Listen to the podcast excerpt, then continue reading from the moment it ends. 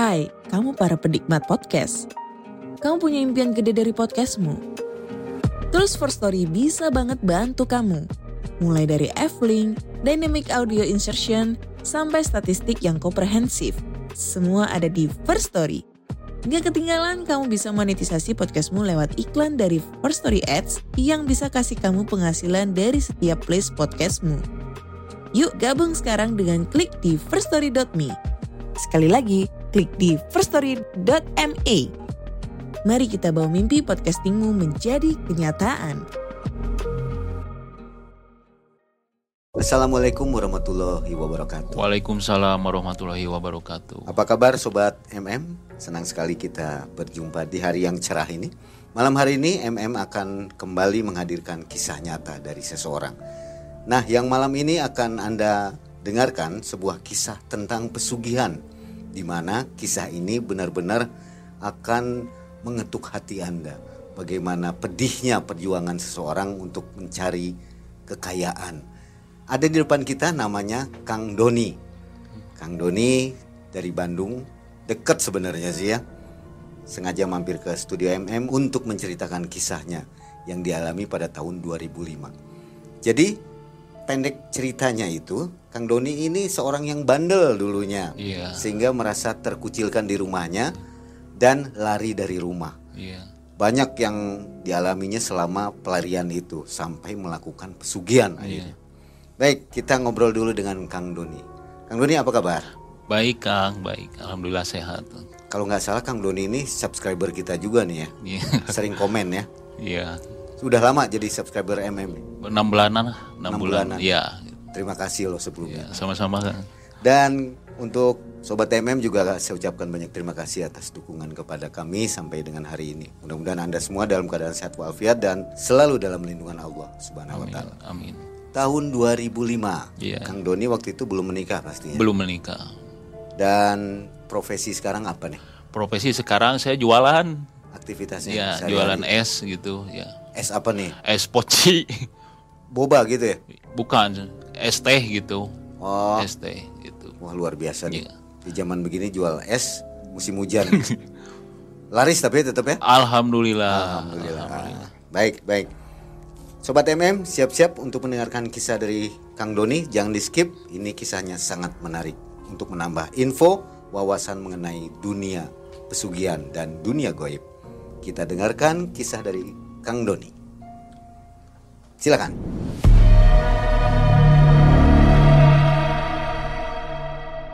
Awalnya gini Kang, saya ini terlahir dari keluarga yang broken home gitu.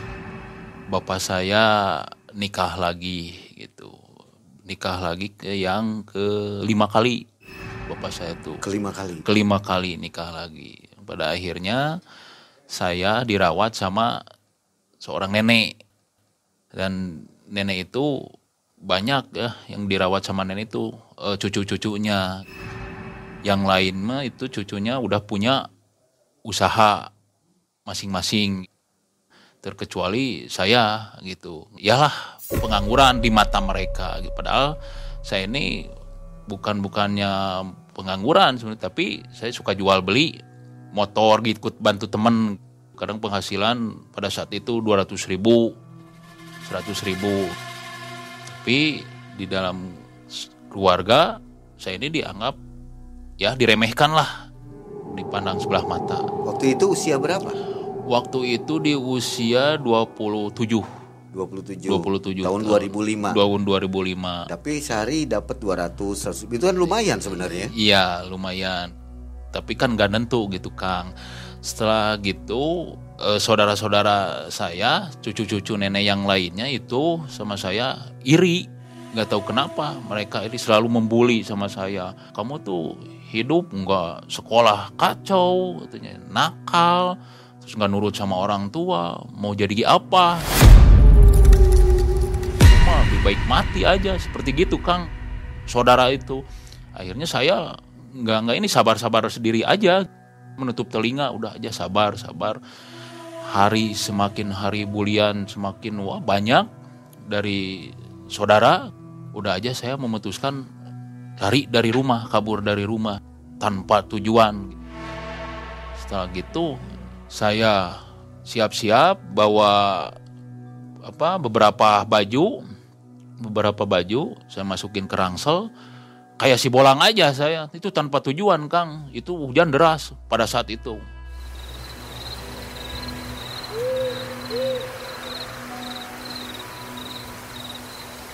Malam Jumat saya memutuskan pergi dari rumah tanpa ada kabar. Saya pergi hujan-hujanan ke jalan raya. Saya nunggu angkot sambil saya nangis.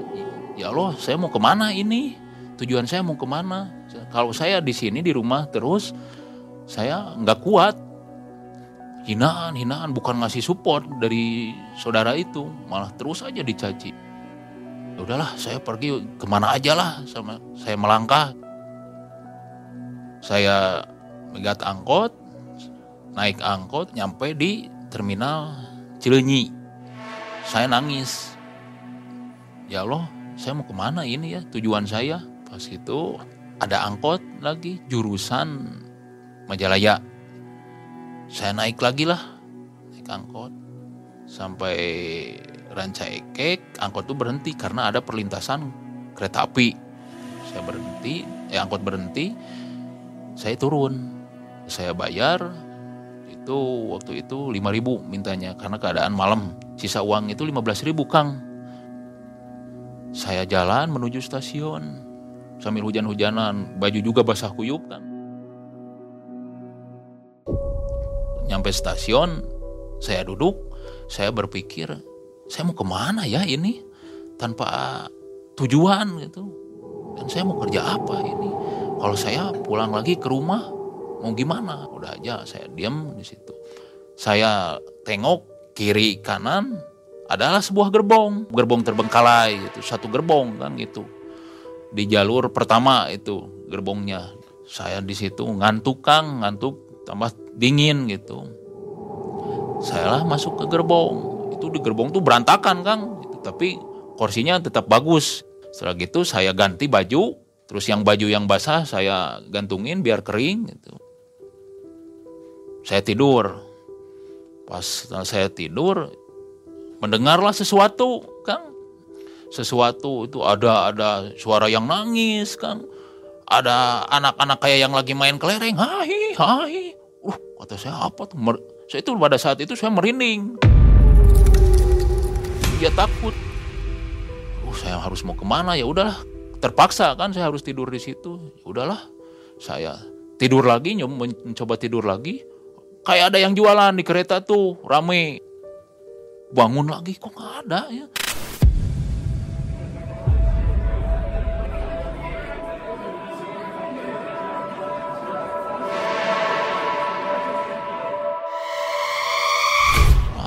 saya di situ nggak bisa tidur kang. Pas setelah itu ada yang nangis itu nggak berhenti berhenti saya lihat kiri kanan nggak ada gitu ya wujudnya itu. Tidur lagi. Ada lagi yang lari-lari anak kecil.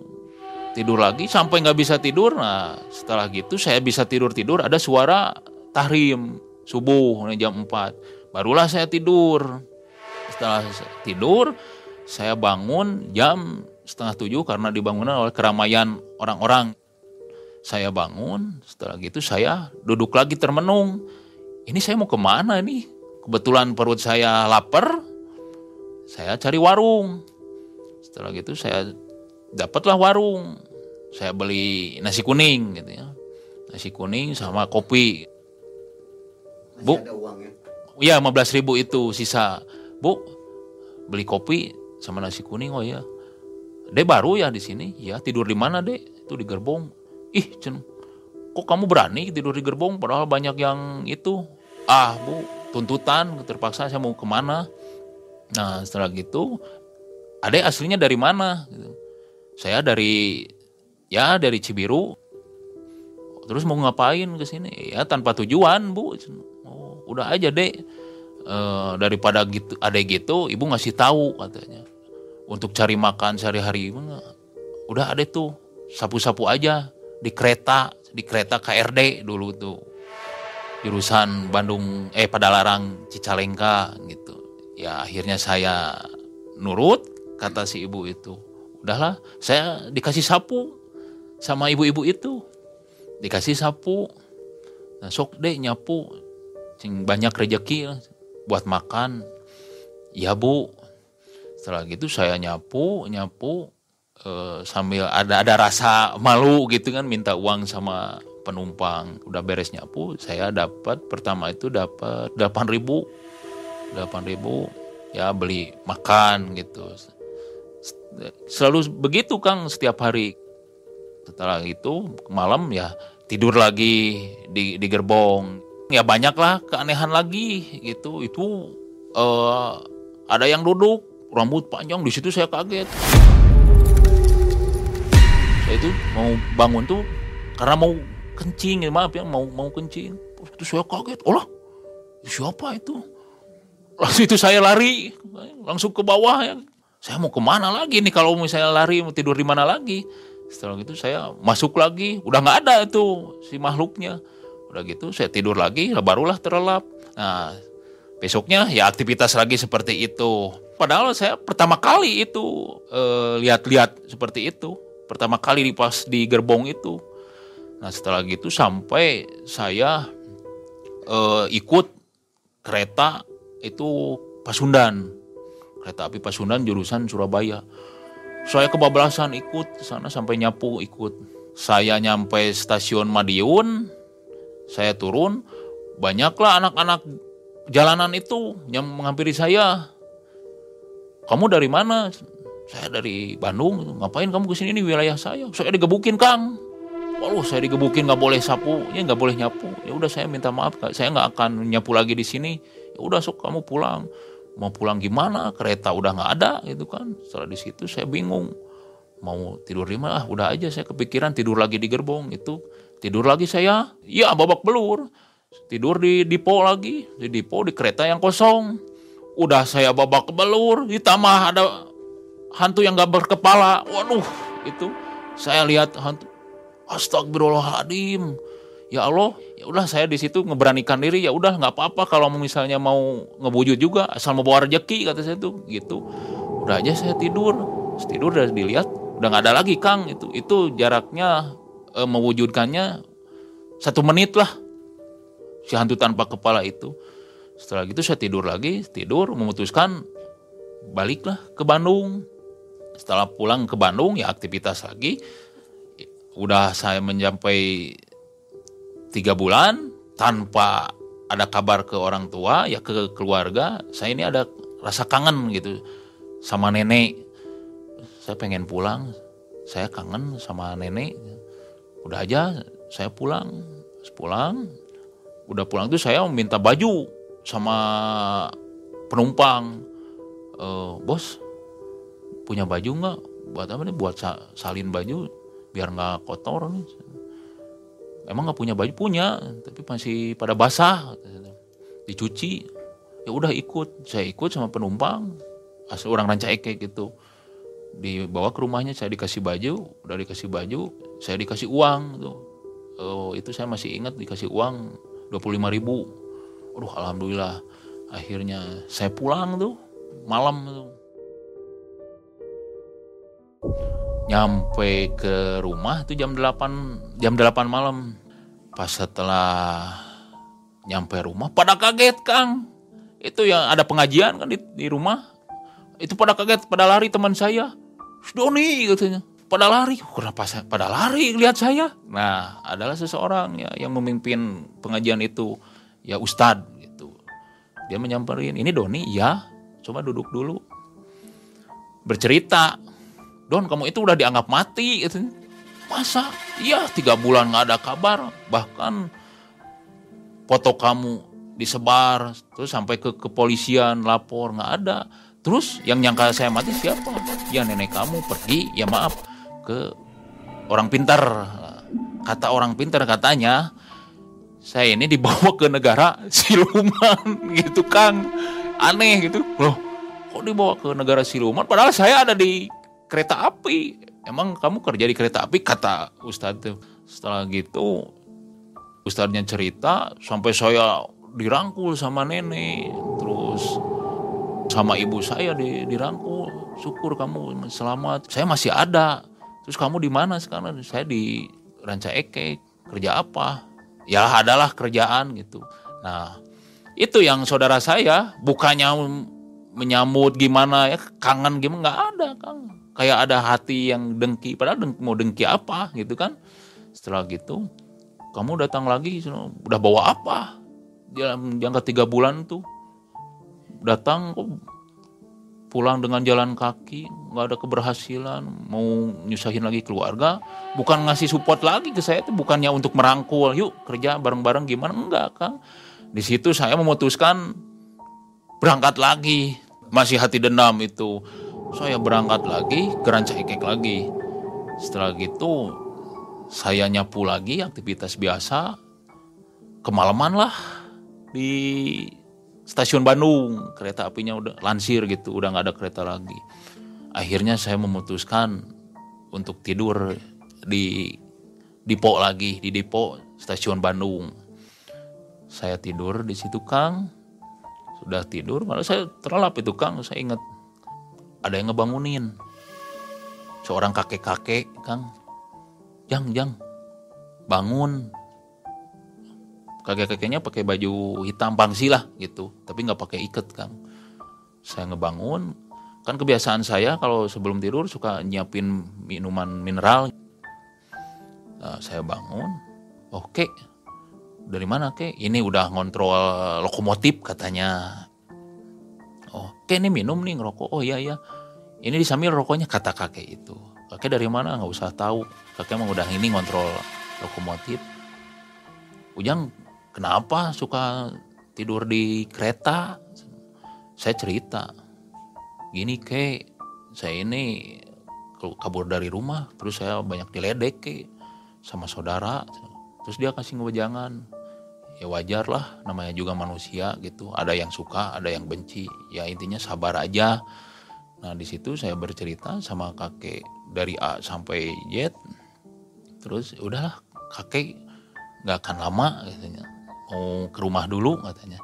Nih kakek mau ngasih sesuatu, kasihlah uh, sebuah batu, batu. Ini untuk apa kek? Saya awam gitu mengai. Ini untuk apa? Ya udahlah bawa aja gitu. Nanti kamu ngerasain gitu.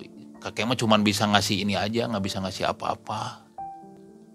Ada di bawah sekarang. Boleh kita lihat ya. Ini udah berbentuk seperti ini. Iya, ini enggak aslinya batu. Enggak, ini sama saya Udah di ini. ya? Ya, ini udah digosok ini. Ini. Ngasihnya cuman batu aja Oke. gitu. Nah, ini- Khasiatnya tahu.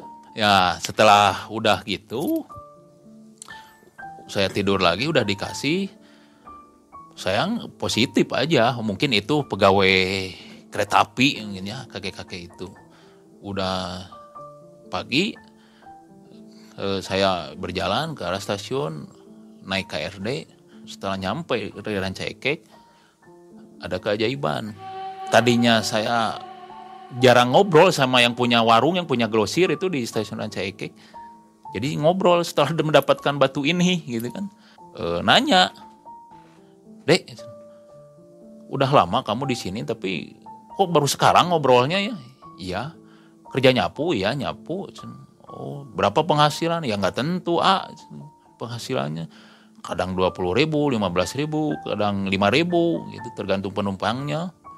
Oh ya udahlah jalanin aja. Setelah gitu dia mikir udah aja deh gini. Udah dipikir-pikir sama- sama AA AA kan nggak punya karyawan. Udah aja deh mau nggak jadi karyawan? Oh ya mau dengan senang hati. Terima kasih banyak udah peduli sama saya ya udahlah jadi karyawan. Nah di situ iya saya berpikir om kok pas setelah dikasih batu ya bukannya untuk ke batunya mungkin udah rezekinya mungkin ya eh, ada keanehan gitu. Nah setelah saya kerja di grosir bantu-bantu gitu. Rating penjualan dari sebelumnya itu naik kang eh omsetnya eh, yang punya si AA-nya itu yang punya grosirnya. Wah aneh ya? Kos pas kamu apa kerja di sini kok omsetnya semakin bertambah? Wah itu mungkin bos kebenaran kata saya itu. Ah enggak. Ya udah tetap aja di sini. Saya percaya percaya kok sama kamu. Itu saya nggak punya identitas mang. Eh KTP pun juga nggak punya. Itu itu langsung percaya setelah itu saya kerja um, apa nimbangan itu terigu gimana ya. Saya aktivitas. Satu bulan saya dapat gaji 800 yang di gaji kamu ini segini. Nih saya kasih ini bonus. Karena kamu udah membawa hoki katanya. Padahal saya apa nggak punya apa-apa gitu. Cuman dikasih batu ini aja gitu bos jangan gitu. Mungkin ini kebenaran aja mungkin. Enggak udah bisa ngerasain gitu. Udah aja kamu di sini ya gitu. Setelah dua bulan bos berubah pikiran. Udah aja lagi nih kamu jualan aja mau nggak saya sama saya modalin. Tuh rokok gimana? Jualan rokok kayak orang-orang gitu. Mau nggak oh, alhamdulillah bos. Ya sok kasihan lah. Ngelihat gaji kamu 800 ribu kalau misalnya ada jualan mah lumayan lah gitu. Buat tambah-tambah ya udah tuh bos. Ya akhirnya dibikinin apa tempatnya itu buat rokok. Maksudnya rokok asongan? Iya rokok asongan. Setelah itu jualan lah hari pertama saya jualan alhamdulillah laris gitu. Store store pas seminggu udah jualan ketemulah saya teman dari Cicalengka tapi beda bos sama pedagang asongan rokok. Kang Asep kamu dari bos Andri? Gitu iya. Oh oh saya dari bos Cece. Gitu. dia cerita. Saya nggak ngerti ya. Itu bos saya kok bisa sugih gitu? Gitu. Terus wah pembeliannya itu wah omsetnya itu yang bos teman saya itu mencapai 20 jutaan dalam satu hari itu tapi dia pernah cerita ke saya kata Asep itu e, kalau kamu pengen seperti saya yuk mau nggak sama saya diantar? Bosnya ke Asep itu oh sempat nawarin gitu Kang. Ya kenapa? Kamu kayak yang mau mau niat punya glosir gitu ya saya pengen lah saya pengen kaya lah. Itu jalan apa? Nggak tahu. Kalau misalnya kamu pengen nanti sama saya di dikasih tahu sama bosnya. Ya tolong hubungin sama bosnya. Ya setelah gitu dia ngehubungin ngehubungin ke bosnya. Setelah tiga hari dari ketemuan itu dia datang lagi. Kata saya ke mana aja? Baru jualan lagi. Oh saya kemarin sakit katanya. Panas tiris. Oh, oh iya don. Udah disampaikan ke bos. Terus ke bos kata bos kamu gimana? Ya udah kalau misalnya kamu pengen ikut ikut aja. Biayanya gimana? Kata saya. Kalau masalah biaya ditanggung. Oh yang benar kata saya. Iya ditanggung. Sok aja kamu ikut. Nggak ada sistem minjem dulu? Enggak saya di situ ada rasa ketakutan mual gitu di wadahkan wah kamu pikiran ke mana aja? Ya udah kalau misalnya kamu pengen ikut ayo ikut. Ya ikutlah saya ke Cicalengka itu Kang E saya bertemulah dengan bos Cece itu. Setelah gitu saya ngobrol sama bos Cece. Bos gimana? Sehat? Mau dari Rancai Cake ya. Mau jualan juga? Ya sama. Gini bos saya ada niat lah sini. Ada niat apa? Ya pengen laris lah jualan lah. Pengen punya glosir kayak gini. Benar kamu niat. Iya niat. Tapi silentnya. Ya sok di silent. Benar benar. Yuk ikut ke mana? Ke ranca buaya. Uh mau ngapain tuh bos? Ranca buaya. Kalau tanya kamu mau niat? Ya udah ikut aja. Terus ini saya nggak punya biaya Ya gampang masalah biaya mah ikut aja. Kapan bos tuh? Ya nanti sama saya kasih tahu lagi waktunya. Ya. Nah setelah gitu saya udah ngobrol sama bos Cece itu. Saya pulang lagi. Ya jualan lagi.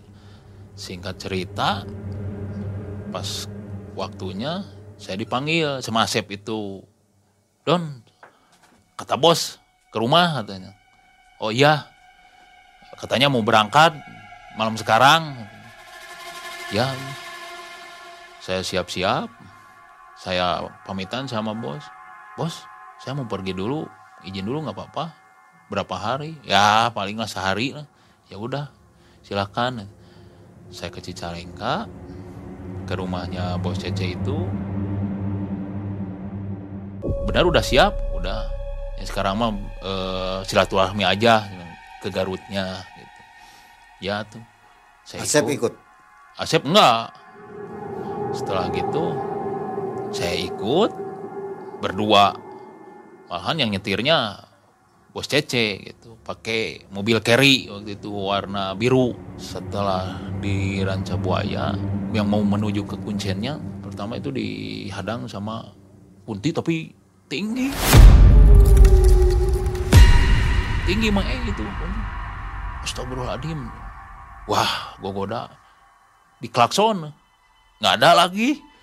Nah, pas ada pohon beringin mau ngelewatin mau pohon beringin. Ada itu kucing. Mungkin adalah dua meteran. Ya tapi berbentuknya kucing itu Di daerah mana tuh? dan buaya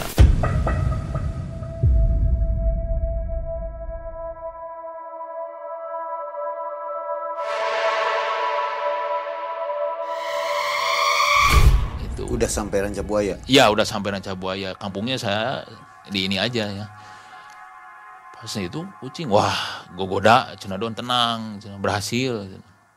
Di klakson tiga kali, di klakson nggak ada tuh kucingnya. Nah lanjut lagi perjalanan, nyampe di rumah abah itu. Pas gitu nyampe Sampurasun, bah, rampes ini buat temen gitu. ada niat oh iya ya masuk iya si kuncinya tuh udah peka gitu masuk rumahnya panggung lah panggung Kenapa bos Cece ini kok mau mengantarkan ya? Baik gitu maksudnya. ya karena dia merasakan bahkan dia juga pernah nganter katanya sampai sukses gitu. tapi nggak mau diganti uangnya aneh gitu tapi kalau udah nolong itu katanya berlimpah gitu.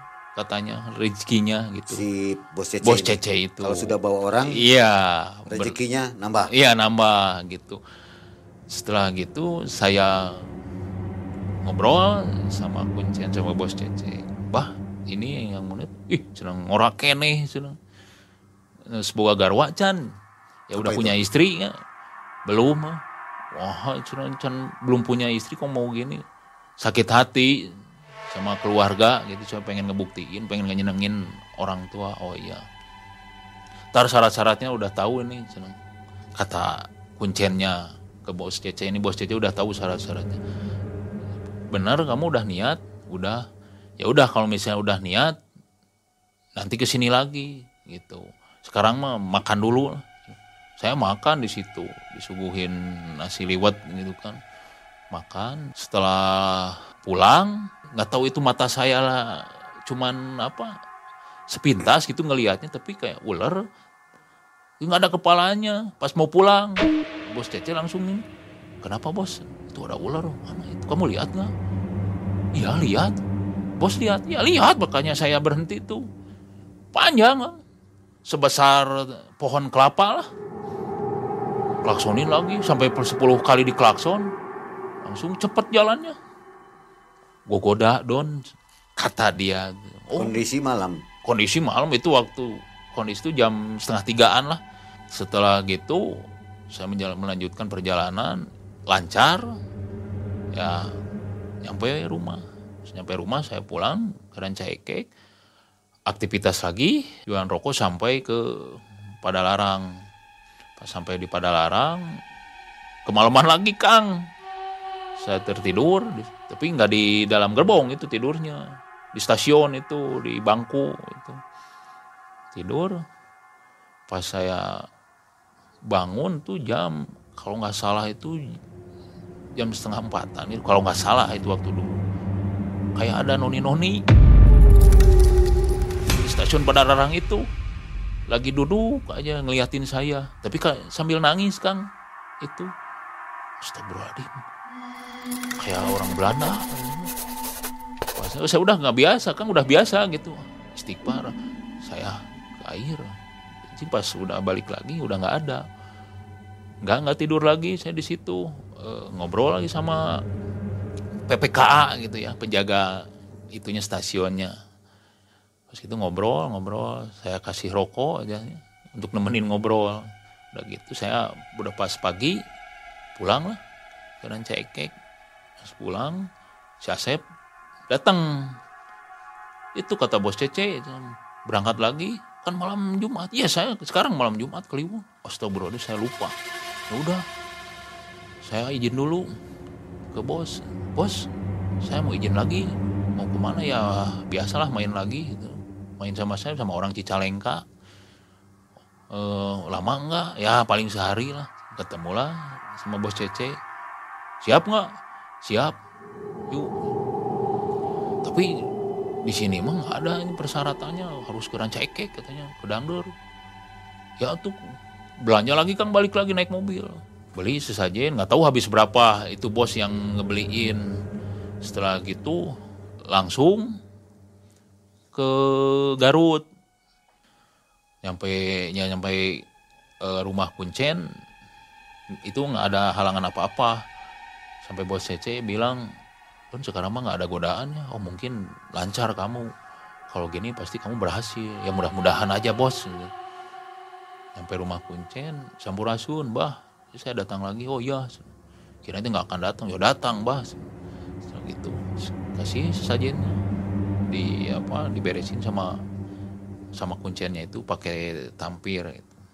siap siap siap ditinggal sendiri. Oh siap. Yang penting mah benghar we Kang. Eh bah secara eh, ritualnya itu di dalam guha. Saya dibawa ke guha tapi guhanya kecil gitu. Tapi kalau nggak itu deket laut guhanya gitu. Laut terus sebelah sananya ada sungai gitu kan.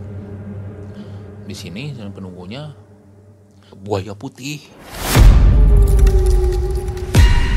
Konon ya katanya mas. Namanya tuh gitu ya udah.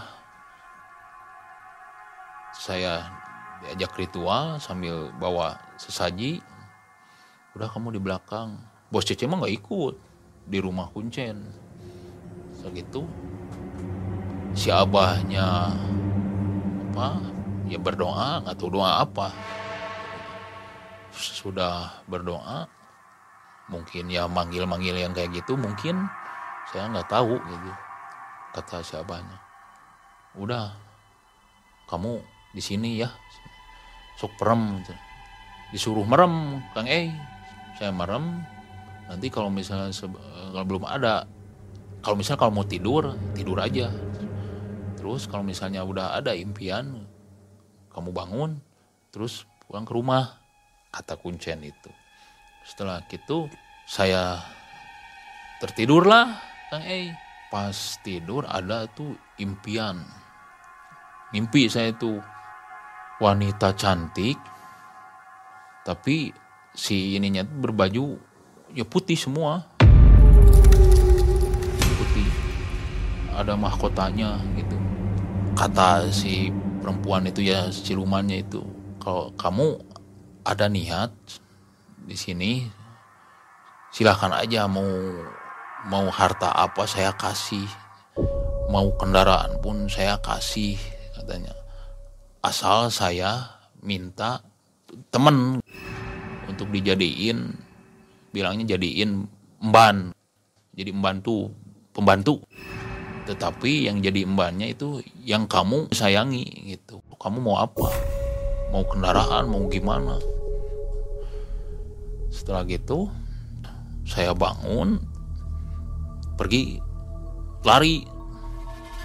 Bah bah. Ada apa? Saya sambil ya lari rasa lari dan takut tuh. Ya campur gitu. Halo bah saya ngimpi ngimpi apa? Ya ngimpi ada perempuan. Terus gimana wujudnya? Ya cantik. Terus bajunya ya gitu put seberapa putih gitu. Ketawa siapa? Oh iya. Terus katanya gimana? Ya kalau misalnya pengen kamu kalau pengen kaya dia minta temen. Minta emban gitu. Ketawa dia. Oh kamu ikhlas nggak ngasihnya? Ya apa itu ibu kamu? Saya kaget mengei saya hampir kecewa sama bos Cece. Bos katanya nggak minta apa? Nggak minta apa-apa. Ya nggak minta tumbal gitu. Kok sekarang minta tumbalnya ibu? Oh bos Cece nungguin ya? Nungguin bos Cece. Masa? Iya bos. Ya mungkin kamu beda. Mungkin kalau saya mah nggak seperti itu gitu kata bos Cece terus kata siapa terus gimana mau lanjut apa gimana Wah, senakal-nakalnya saya. Gak mungkin saya ngorbanin seorang ibu, itu kan. Itu seorang ibu. Saya kan terlahir dari seorang ibu. Gak ada saya, mungkin gak ada seorang ibu gitu. Masa saya intinya saya pengen kaya itu pengen ngebahagiain ibu saya. Masa sekarang saya kaya ibu diambil, gak mau bah saya mundur aja. Oh kamu mau mundur? ya mundur. Oh ya nggak nggak apa-apa. Terus nggak ada efek samping bang nggak ada. Nggak akan ada apa-apa. Benar benar. Ya udah. Setelah itu saya memutuskan sama bos Cece pulang. Ya ngobrol sempat ngobrol. Terus gitu saya pulang. Pas pulang itu mogok mobil. Kenapa bos mogok padahal oli sudah diganti. Ya udah diservis lah itu. Masa ya? Matiin starternya starter lagi nggak hidup hidup udah aja tuh kamu tunggu di sini saya mau ke rumah si abah katanya. Ini kenapa? Takut ada gangguan ini. Ya udah saya nunggu itu bang. Pas nunggu itu ada kakek-kakek yang bawa cangkul itu nggak tahu siapa gitu. Tapi pakai topi petani bawa cangkul. Masa jam 5 subuh masa mau ke sawah? Ada kakek-kakek ngelewat tapi nggak nanya gitu. Saya di dalam mobil itu kang eh. Oh, ada kakek-kakek tapi nggak kelihatan mukanya. Ah saya hiraukan aja udah. Datang sama si abah. Bah ini oh iya tuh langsung ininya mobilnya diketuk tiga kali. Sok jalan starterin. Pas starter nyala lagi si mesinnya berangkat lah ya pulang saya pulang. Sudah gitu udahlah saya mundur ya. Nah setelah saya pulang ke rumah bos saya ditanya dari mana don? Ah habis inilah sini jalan-jalan. Oh jalan-jalan malam Jumat kada ada ada yang sesuatu aja. Ah, biasa lah udah saya tidur. Bos saya nggak apa-apa tidur. Esok aja nggak apa-apa. Setelah tidur saya bangun jam satu jam satu saya jualan lagi. Jualan ramai itu. Sampai habis tuh dagangan. Ngambil lagi. Begitu si Asep datang Don tuh kata bos Cece lagi. Ngapain lu mau ngobrol? Katanya. Oh iya tuh nanti saya ke rumah. Itu saya ke rumah jam 4 sore. Ke rumah bos Cece. Ada apa bos? Sini. Aduh saya minta maaf ya. Oh uh, beda ya. Tapi saya emang nggak gitu dulu. Dia terus terang emang bos apa? Ah kamu juga tahu lah senang gitu. Saya mah eh, masalah intim. Gitu oh dalam hati saya oh berarti dia yang ngipri gitu. Terus kalau itu saya gimana kalau hasil itu? Ya sama mungkin gitu. Tapi saya nggak ada tumal gitu. Wah masa bos? Enggak aneh kata saya tuh.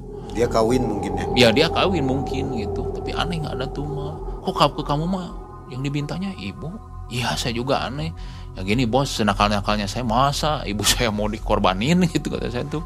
Saya kan pengen kaya tuh pengen ngebahagiain ibu gitu. Mau memperlihatkan diri kepada saudara-saudara saya. Oh saya mampu nih tanpa bantuan kalian gitu. Ya udah saya minta maaf ya kamu mau mundur aja? Ya mundur bos. Ah gitu kalau persyaratannya berat gitu saya nggak mau ah. Setelah gitu udah beres obrolan saya jualan lagi kan dari stasiun ke rumah bos Cece itu deket gitu kan. Setelah singkat cerita sesudah jualan saya ketemu lah sama Usep. Nama samaran. nama samaran Usep. Sama pedagang asongan tapi beda jualannya. Usep itu jualan kacang. Itu. Kebetulan istrinya orang Cilacap. Mungkin si Asep cerita sama si Usep itu. Saya gitu-gitu. Nah nyamperin lah si Usep. Don sini. Kamu benar waktu itu ikut sama bos Cece? So. ke mana ke Ranca Buaya? Iya. Hasil enggak boro-boro hasil. Mintanya yang aneh-aneh apa orang tua. Wah masa kaget si Usep itu? Benar orang tua. Kayak orang gila atau orang tua di mau ditumbalin gitu. Yuk ada katanya di tempat istri saya. Kalau kamu mau niat lagi kata si Usep itu.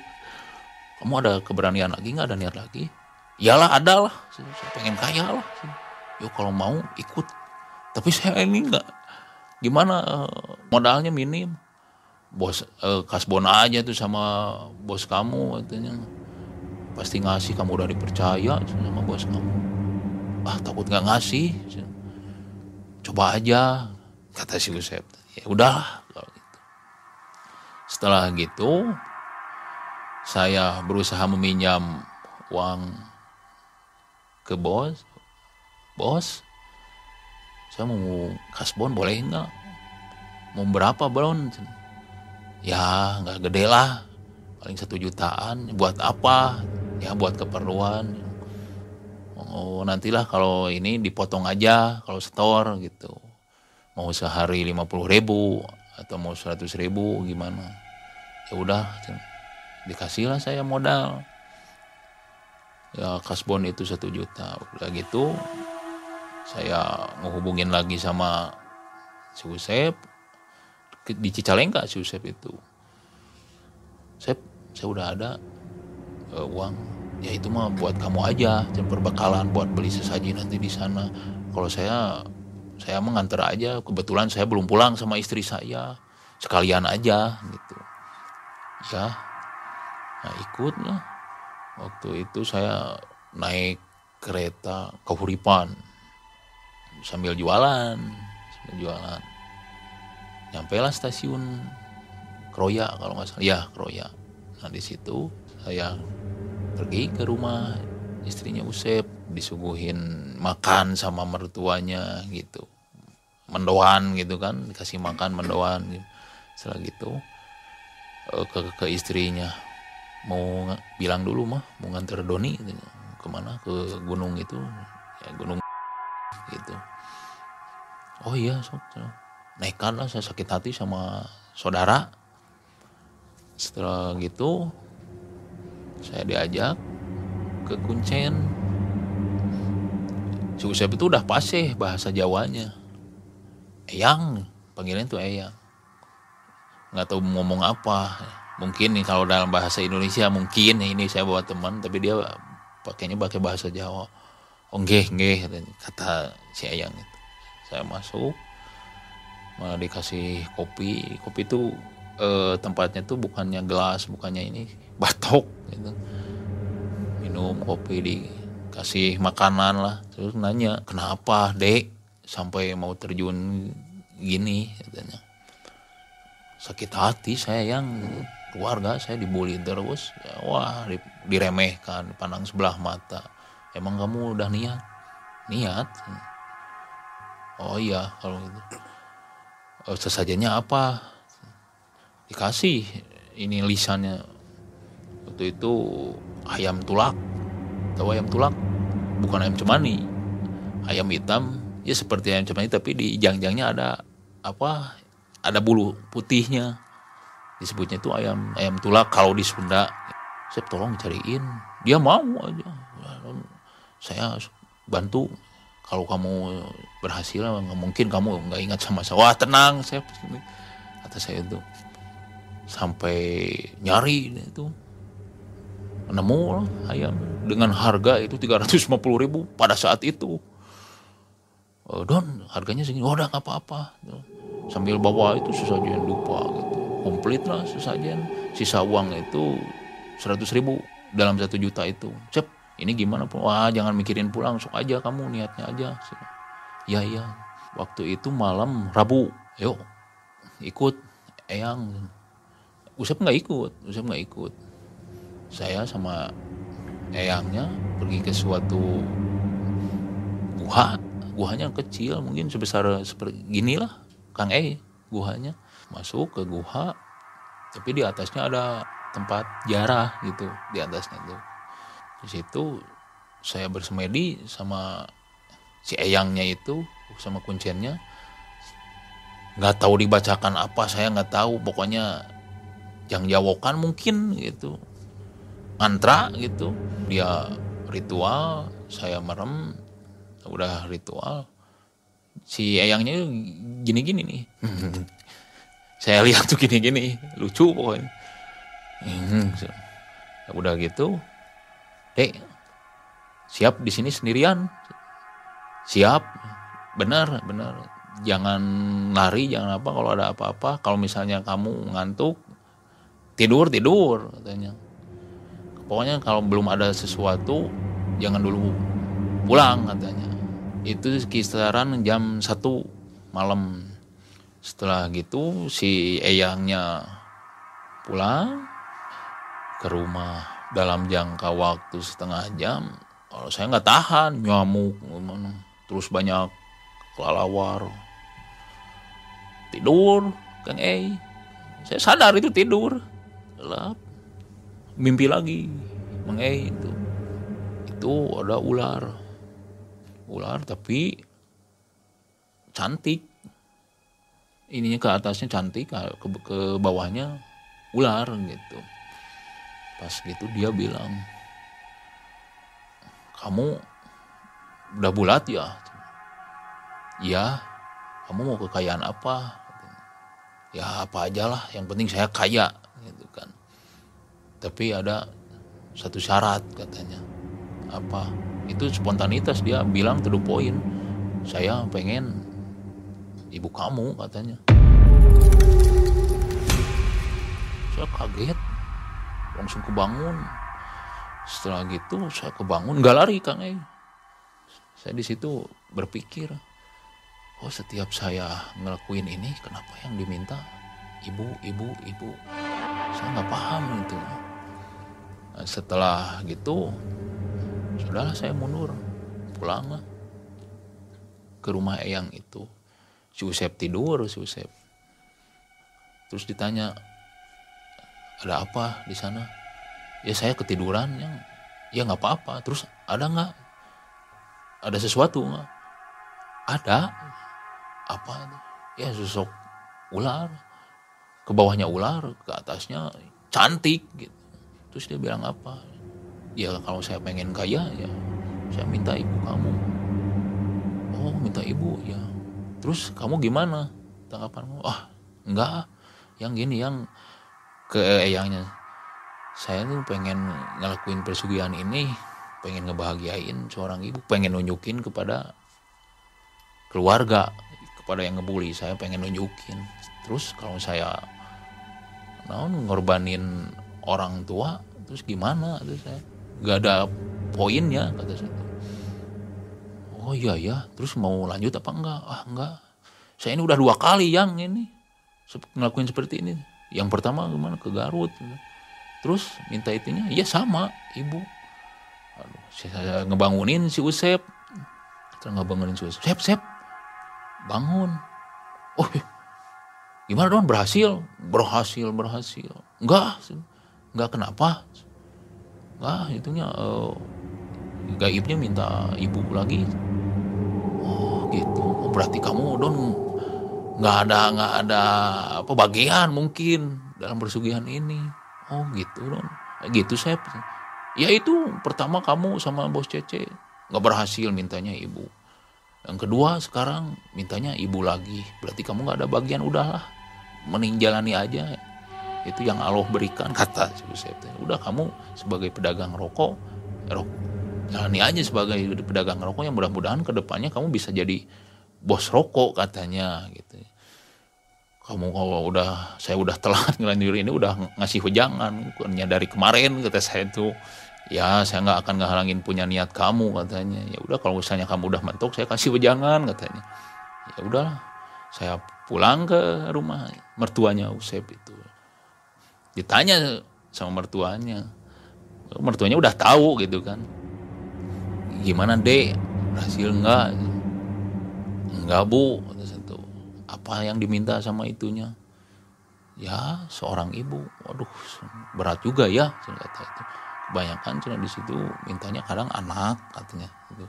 banyak yang berhasil.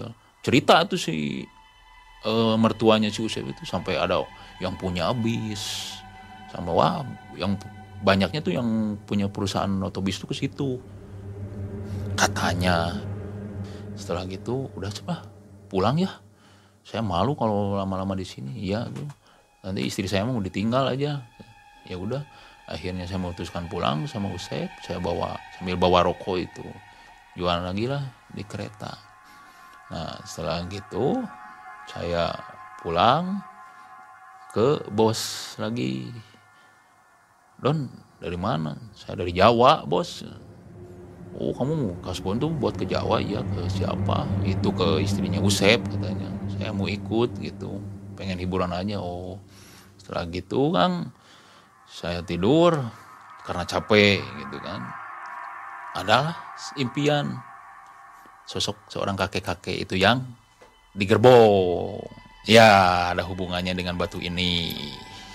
Dia bilang kamu tuh salah kamu tuh udah tersesat kan kata keke bilang itu kamu harus sabar. Kalau kamu sabar kamu bakal dapat rezeki pokoknya ada rezeki yang lebih besar gitu kalau kamu sabar. Udahlah kata kakek itu. Udahlah anggaplah aja inilah eh, kesesatan kamu itu kekeliruan kamu. Dan dari detik sekarang kamu berubah. Sok kamu jalani apa? Itu jalani apa adanya lah. Seribu tapi halal pendapatan seribu tapi hal kata kakek itu pas gitu saya bangun kok saya ngimpi kakek itu lagi ya? Terus dia ngasih hujangan. Seperti itu hujangannya. Setelah gitu saya memutuskan untuk bantuin lagi di grosir nggak jualan lagi karena kasihan bosnya gitu nggak ada penambahan karyawan lagi. Terus saya usul ke bos bos udah aja nyari lagi karyawan ini nggak akan apa kelayanin gitu kalau sama kalau berdua. Ya udahlah kata menurut Doni bagus ya bagus. Ya ayo cari. Ya carilah. Dapatlah karyawan. Namanya ya Deden ya. Nah, nemulah si Deden itu. Nemu ya bekerja. Saya jadi bagian administrasi gitu keuangan. Uh, bosnya diam saya bekerja sama Deden. Setelah gitu ada seseorang belanja untuk nikahan belanja untuk uh, idangan gitu. namanya tuh ya pas itu saya berbicara sama dia. Bos manggil bos saya ke pelanggan banyak belanjanya iya nih mau ada acara nikahan gitu, saudara. Oh. udah lama e, kerja di sini. Si mas nanya sama udah belum belum mau berapa tahun ya mau mencapai empat tahun lah e, kelihatannya kamu e, sigap ininya rajin kerjanya masa kerajin dari mana? Ah gini-gini aja bos saya kerjanya. Kalau misalnya mau ke Bali mau nggak? Padahal dia tuh nggak tahu bercanda nggak tahu serius ya. Uh, ayolah saya pengen cari suasana baru. Karena kamu ini di sini kan lagi kerja. Ah di sini mah gampang saya tuh. Saya pengen cari suasana baru. Padahal saya apa ngeresponnya itu bercanda kang E nggak serius gitu. Setelah gitu saya kerja lagi. Setelah dari dia belanja ada dua mingguan dia datang lagi. Uh, ah gimana mau nggak? katanya. Ke mana? Ke Bali. Saya tuh ini serius? Iya serius. Oh kirain bercanda beneran saya serius. Kalau mau besok berangkat. Waduh kata saya tuh. Oh ngedadak kirain saya bercanda bingung di situ. Pas gitu saya nggak saya nggak mau ngecewain sama bos gitu ya sama bos saya sama bos Andre itu. Saya minta izin. Bos mohon maaf. Saya mau izin izin mau apa? Saya mau resign bos. Loh kenapa mau resign? Apa kurang ya gajinya? Gimana? Bukan masalah dari masalah gaji kalau masalah dari gaji saya udah lebih dari cukup. Pertama saya udah diaku sama bos udah dipercaya sama bos. Saya udah berterima kasih banyak. Saya udah dianggap keluarga sama bos gitu. Susah senang sama bos gitu kan. Saya terima kasih banyak. Ya kenapa mau resign? Ya saya pengen cari suasana baru aja bos gitu. Oh gitu ya, ya itu malah terserah Doni katanya. Mau keluar silakan mau bertahan di sini nggak nggak apa-apa gitu. Gimana bos? Ya itu mah terserah. Bos bos saya mohon maaf ya. Kalau misalnya ada tutur kata dalam ucapan saya nggak enak di hati bos. Dalam kinerja saya kurang memuaskan saya mohon maaf gitu ya. Nah dari situ saya keluar sudah keluar. Saya pergi ke rumah si bos itu daerah ya masih di daerah sekitaran Rancaikek memutuskan untuk ikut kerja di Bali. Bos ya udahlah saya ikut. Tapi udah bilang sama itu udah. Tapi gimana? Ya diizinin saya nggak mau ngecewain karena saya ditolong sama dia. Dari dari pertama saya punya penginapan dikasih makan dikasih kerjaan. Masa saya harus ngecewain? Terus pergi tanpa pamit gitu tadinya baik ya harus baik lagi. Ya udah kalau gitu ya besok kita berangkat.